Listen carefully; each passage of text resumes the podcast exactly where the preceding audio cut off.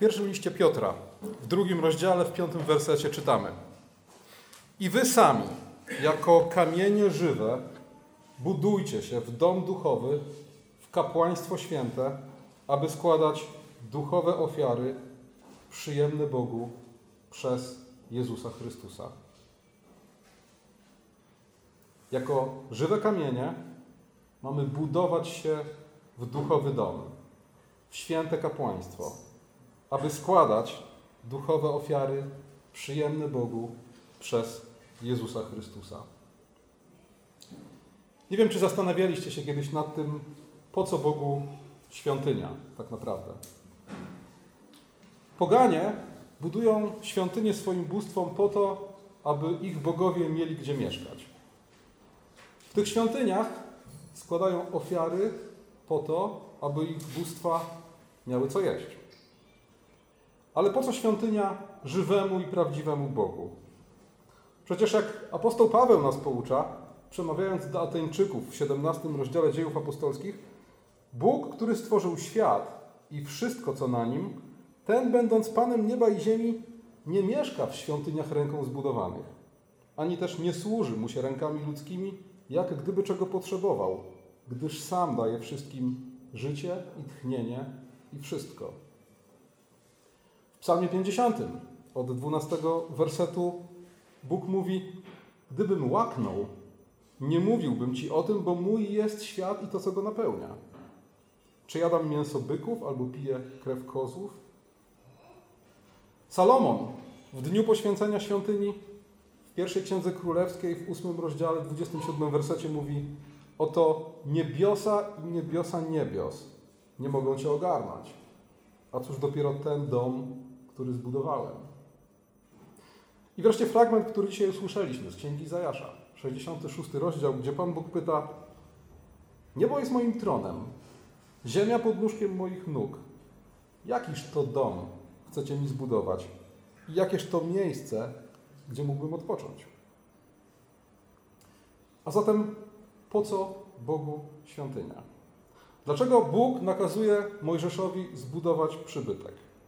Dlaczego ogłasza Dawidowi, że jego syn zniesie świątynię, która, jak czytamy w pierwszej księdze królewskiej, w 8 rozdziale, 19 wersecie, stanie się domem dla jego imienia?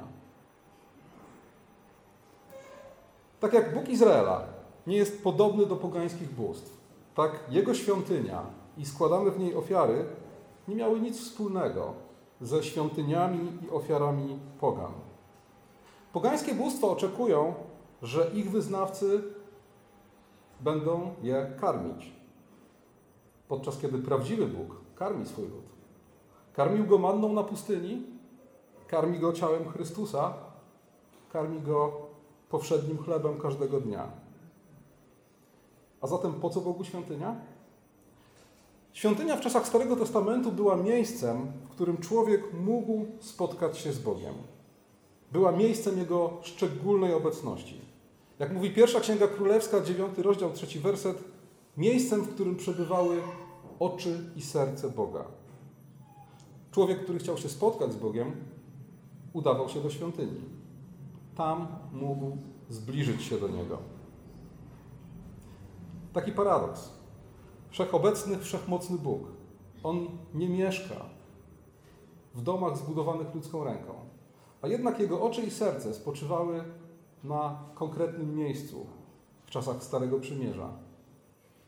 Konkretne miejsce nazwane było domem dla Jego imienia.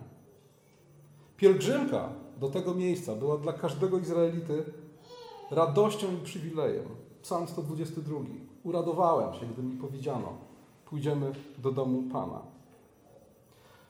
Człowiek, który chciał się spotkać z Bogiem, szedł do świątyni. Problem polegał jednak na tym, że spotkanie z Bogiem mogło się źle skończyć. Dla grzesznego człowieka obcowanie ze świętym Bogiem oznacza śmierć. Ale ponieważ Bóg chciał spotykać się z ludźmi, chciał wysłuchiwać ich modlitw, chciał obdarowywać ich dobrymi darami, ustanowił w Starym Przymierzu pewien porządek ofiar i oczyszczeń, który pozwolił naszym przodkom w wierze, oczekiwaniu na Chrystusa, który ostatecznie pokonał grzech i śmierć, pozwolił zbliżać się grzesznikom do świętego Boga. I w tym momencie dochodzimy do odpowiedzi na pytanie, skoro już wiemy, po co Bogu świątynia, po to, żeby spotykać się ze swoim ludem, dochodzimy do odpowiedzi na pytanie, po co Bogu kapłani i jaką tak naprawdę kapłani w Starym Przymierzu odgrywali rolę. Jaką rolę odgrywały składane przy pomocy kapłanów ofiary. I tutaj widzimy, jak bardzo pozorne, jak bardzo powierzchowne jest podobieństwo pomiędzy kultem prawdziwego Boga, sprawowanym w świątyni w Jerozolimie, a kultem pogańskim. Kapłani byli sługami domu Bożego. Ich zadaniem było przygotować Izraelitę, który przychodził do świątyni, do wizyty w sali tronowej Boga, której człowiek pojednany z Bogiem mógł podczas ofiary biesiadnej zasiąść z Bogiem przy jednym stole. Porządek ofiar składanych w Starym Testamencie przypominał Izraelicie, kim jestem, do kogo się zbliżam i w jaki sposób powinienem stawać przed Bogiem. Dlatego każdy Izraelita, jak czytamy w trzeciej księdze Mojżeszowej, w dziewiątym rozdziale od 15 wersetu, najpierw zbliżał się do Boga z ofiarą za grzech, bez której do Boga zbliżyć się nie można. Potem składał ofiarę wstępującą, zwaną całopalną, i ofiarę daninę z owoców swojej pracy.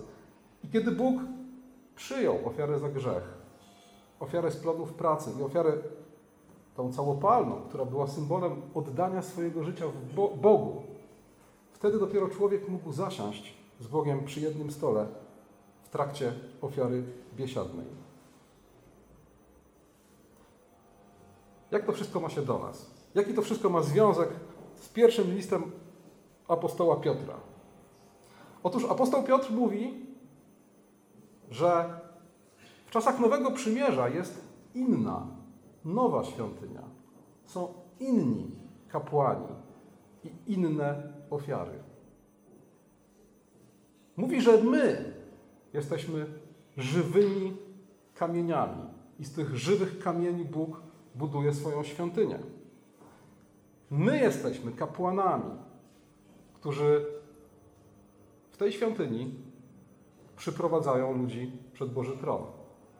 A jeśli jeszcze dodamy do tego apostoła Pawła, który w 12 rozdziale listu do Rzymian zachęca nas do tego, abyśmy składali ciała swoje w ofierze Bogu, to zobaczymy, że w tej nowej świątyni jesteśmy również ofiarami. W Nowym Przymierzu nie ma już świątyni zbudowanej z kamienia, ale Bóg nadal spotyka się z ludźmi. Nadal potrzebna jest świątynia i kapłani, którzy pomogą człowiekowi spragnionemu Boga zbliżyć się do Niego w taki sposób, aby doświadczył łaski i miłosierdzia zamiast sądu, aby znalazł życie, a nie śmierć. I w tym momencie wkraczamy w świat wielobarwnej, biblijnej symboliki. Wkraczamy w świat, w którym okazuje się, że tak jak już wspomniałem, to my jesteśmy żywymi kamieniami, z których Bóg buduje swoją świątynię, to my jesteśmy kapłanami, którzy w tej świątyni pełnią służbę, ale też w jakimś bardzo dosłownym sensie to my jesteśmy ofiarami w tej świątyni składanymi. A więc razem, ilu tu nas jest, tworzymy dom dla Boga. Przestrzeń, w której Bóg chce przebywać. Dom dla Jego imienia i mieszkanie Jego chwały. I kiedy przychodzi tutaj do wspólnoty ludzi wierzących w Chrystusa, człowiek, który Chrystusa nie zna, to wtedy my, jako kapłani, przeprowadzamy go od wyznania grzechów i wyznania wiary do miejsca, w którym może pojednany z Bogiem usiąść z nim przy jednym stole. Powtarzamy ten schemat w trakcie naszych nabożeństw po to, aby stał się schematem, według którego żyjemy. Każdy z nas jest duchowym kamieniem w tej świątyni. Każdy z nas jest w tej świątyni kapłanem. A w liście do Rzymian, o którym już wspomniałem, czytamy: Wzywam was wtedy, bracia, przez miłosierdzie Boże, abyście składali ciała swoje jako ofiarę żywą, świętą, miłą Bogu, bo taka winna być duchowa służba wasza.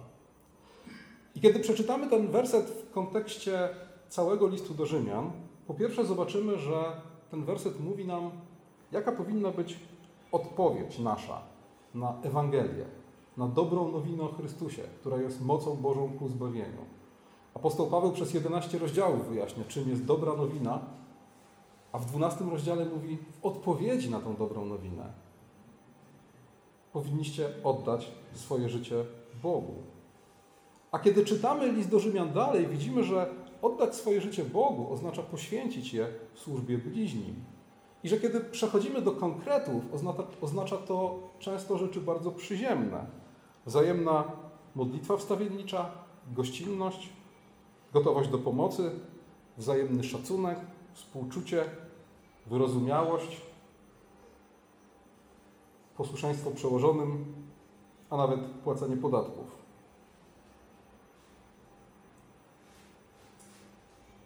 Jesteśmy świątynią Boga żywego. Jesteśmy kamieniami, z których Bóg tę świątynię buduje. Jesteśmy kapłanami, którzy wewnątrz tej świątyni mają niezwykły przywilej przyprowadzania ludzi do Chrystusa. I wreszcie mamy nieprawdopodobny przywilej spalać się dla Chrystusa, oddawać Mu swoje życie, poświęcać swoje życie w służbie innym po to, aby moje życie, moje ciało stało się duchową ofiarą przyjemną Bogu. Dzisiaj jako wspólnota obchodzimy szczególny dzień, szczególny jubileusz. I myślę, że to jest bardzo dobra okazja, żeby przypomnieć sobie, kim jesteśmy i po co tak naprawdę to wszystko. Jaki jest cel istnienia lokalnej wspólnoty, Kościoła chrześcijańskiego w jego lokalnym wymiarze. Kim jesteśmy i po co istniejemy. W naszym Kościele dzieje się wiele rzeczy. Członkowie naszego Kościoła zaangażowani są w rozmaite służby. Tych aktywności z roku na rok przybywa. I podobnie jest w innych chrześcijańskich wspólnotach. Dzisiaj w ogóle dużo mówi się o takich rzeczach jak misja, wizja, strategia, planowanie. Ci z Was, którzy mnie znają, wiedzą, że planowanie nie jest mi obce generalnie. Nie jestem wrogiem planowania. Nie o to chodzi.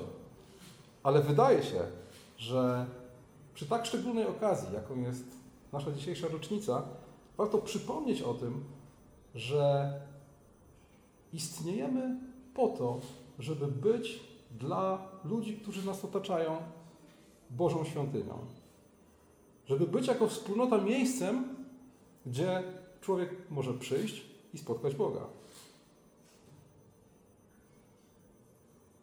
Dlatego jesteśmy duchowymi kamieniami, który, które budują tą świątynię, kapłanami, którzy przyjmują Boga, w imieniu Boga gości w Jego domu. I dlatego możemy swoje życie oddawać na służbę Jemu. W czasach reformacji pojawiło się pytanie, gdzie jest prawdziwy Kościół? Co odróżnia Kościół od czegoś, co Kościołem nie jest? I reformatorzy dali prostą odpowiedź. Kościół jest tam, gdzie jest zwiastowane słowo i sprawowane są sakramenty.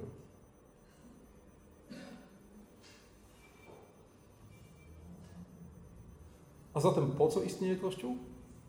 Po to, żeby zwiastować słowo i sprawować sakramenty. Po to, żeby chrzcić, po to, żeby udzielać wieczerzy pańskiej, żeby sprawować wieczerzę pańską, po to, żeby zwiastować słowo, bo to słowo wzbudza i utwierdza wiarę w naszych sercach. Wszystkie inne rzeczy, które jako Kościół robimy, są oczywiście potrzebne i ważne, o ile pozostają we właściwym stosunku do tego, co najważniejsze. Do misji, jaką jest zwiastowanie słowa i sprawowanie sakramentów. Bardzo sympatyczną rzeczą jest, jeśli Kościół jest grupą przyjaciół, którzy robią ze sobą całą masę fajnych rzeczy. Ale to ma sens. Tylko i wyłącznie wtedy, kiedy wypływa z tego pierwotnego powołania Kościoła do zwiastowania słowa i sprawowania sakramentów. Oczywiście, jeśli słowo zwiastowane jest wiernie i odważnie, jeśli jest z wdzięcznością przyjmowane, ono wtedy pobudza do działania. Jeśli słowo jest zwiastowane i z wdzięcznością przyjmowane, wtedy rzeczywiście dużo się dzieje. Wtedy rzeczywiście ludzie zgodnie ze swoim powołaniem służą. Te służby zamieniają się w różnego rodzaju aktywności. Jest ruch. Ale on ma sens tylko wtedy, kiedy wypływa z tego, co pierwotne i najważniejsze z wiernego zwiastowania słowa. To tak jak w historii, którą wszyscy dobrze znamy o Marcie i Marii, kiedy Jezus do krzątającej się wokół różnego rodzaju posłów Marty mówi: Troszczysz się o wiele, a niewiele potrzeba. W zasadzie jednego potrzeba. I kiedy troszczymy się o wiele rzeczy w naszych kościołach, to czasem warto sobie uświadomić, że potrzeba nam przede wszystkim jednego: wierności i wytrwałości w służbie słowa i sakramentów. Jak mówi Chrystus, szukajcie tego, co najważniejsze, szukajcie Królestwa Bożego, wszystko inne będzie Wam dodane. Dziękujemy Bogu za to, że dzięki Jego łasce, dzięki Jego dobroci zostaliśmy uczynieni duchowymi kamieniami. Dziękujemy Bogu za to, że jako żywe i duchowe kamienie zostaliśmy dzięki Jego łasce wbudowani w ten gmach, jakim jest Kościół Chrystusowy. Dziękujemy Bogu za to, że mamy przywilej przyprowadzać ludzi przed Boży tron i powierzyć Bogu, oddać Bogu swoje życie w ofierze, jako ci, którzy całym swoim życiem chcą Mu służyć. Dziękujemy Bogu za to, że doprowadził nas do miejsca, w którym jesteśmy dzisiaj. Dziękujemy za wszystko, co dla nas przygotował. Dziękujemy za to, że wszystko to jest owocem Jego łaski. Że stojąc dzisiaj przed Bogiem, każdy z nas może powiedzieć: Cokolwiek mam, otrzymałem. Niczego nie mam, czego bym nie otrzymał. Jestem tu, dlatego że Bóg okazał mi łaskę, że jako zgubionego grzesznika odnalazł mnie i pociągnął ku sobie. Cokolwiek mam przywilej czynić, robię to dla Niego i robię to nie swoją, a Jego mocą. Dlatego Jemu i tylko Jemu niech będzie wszelka chwała. Amen.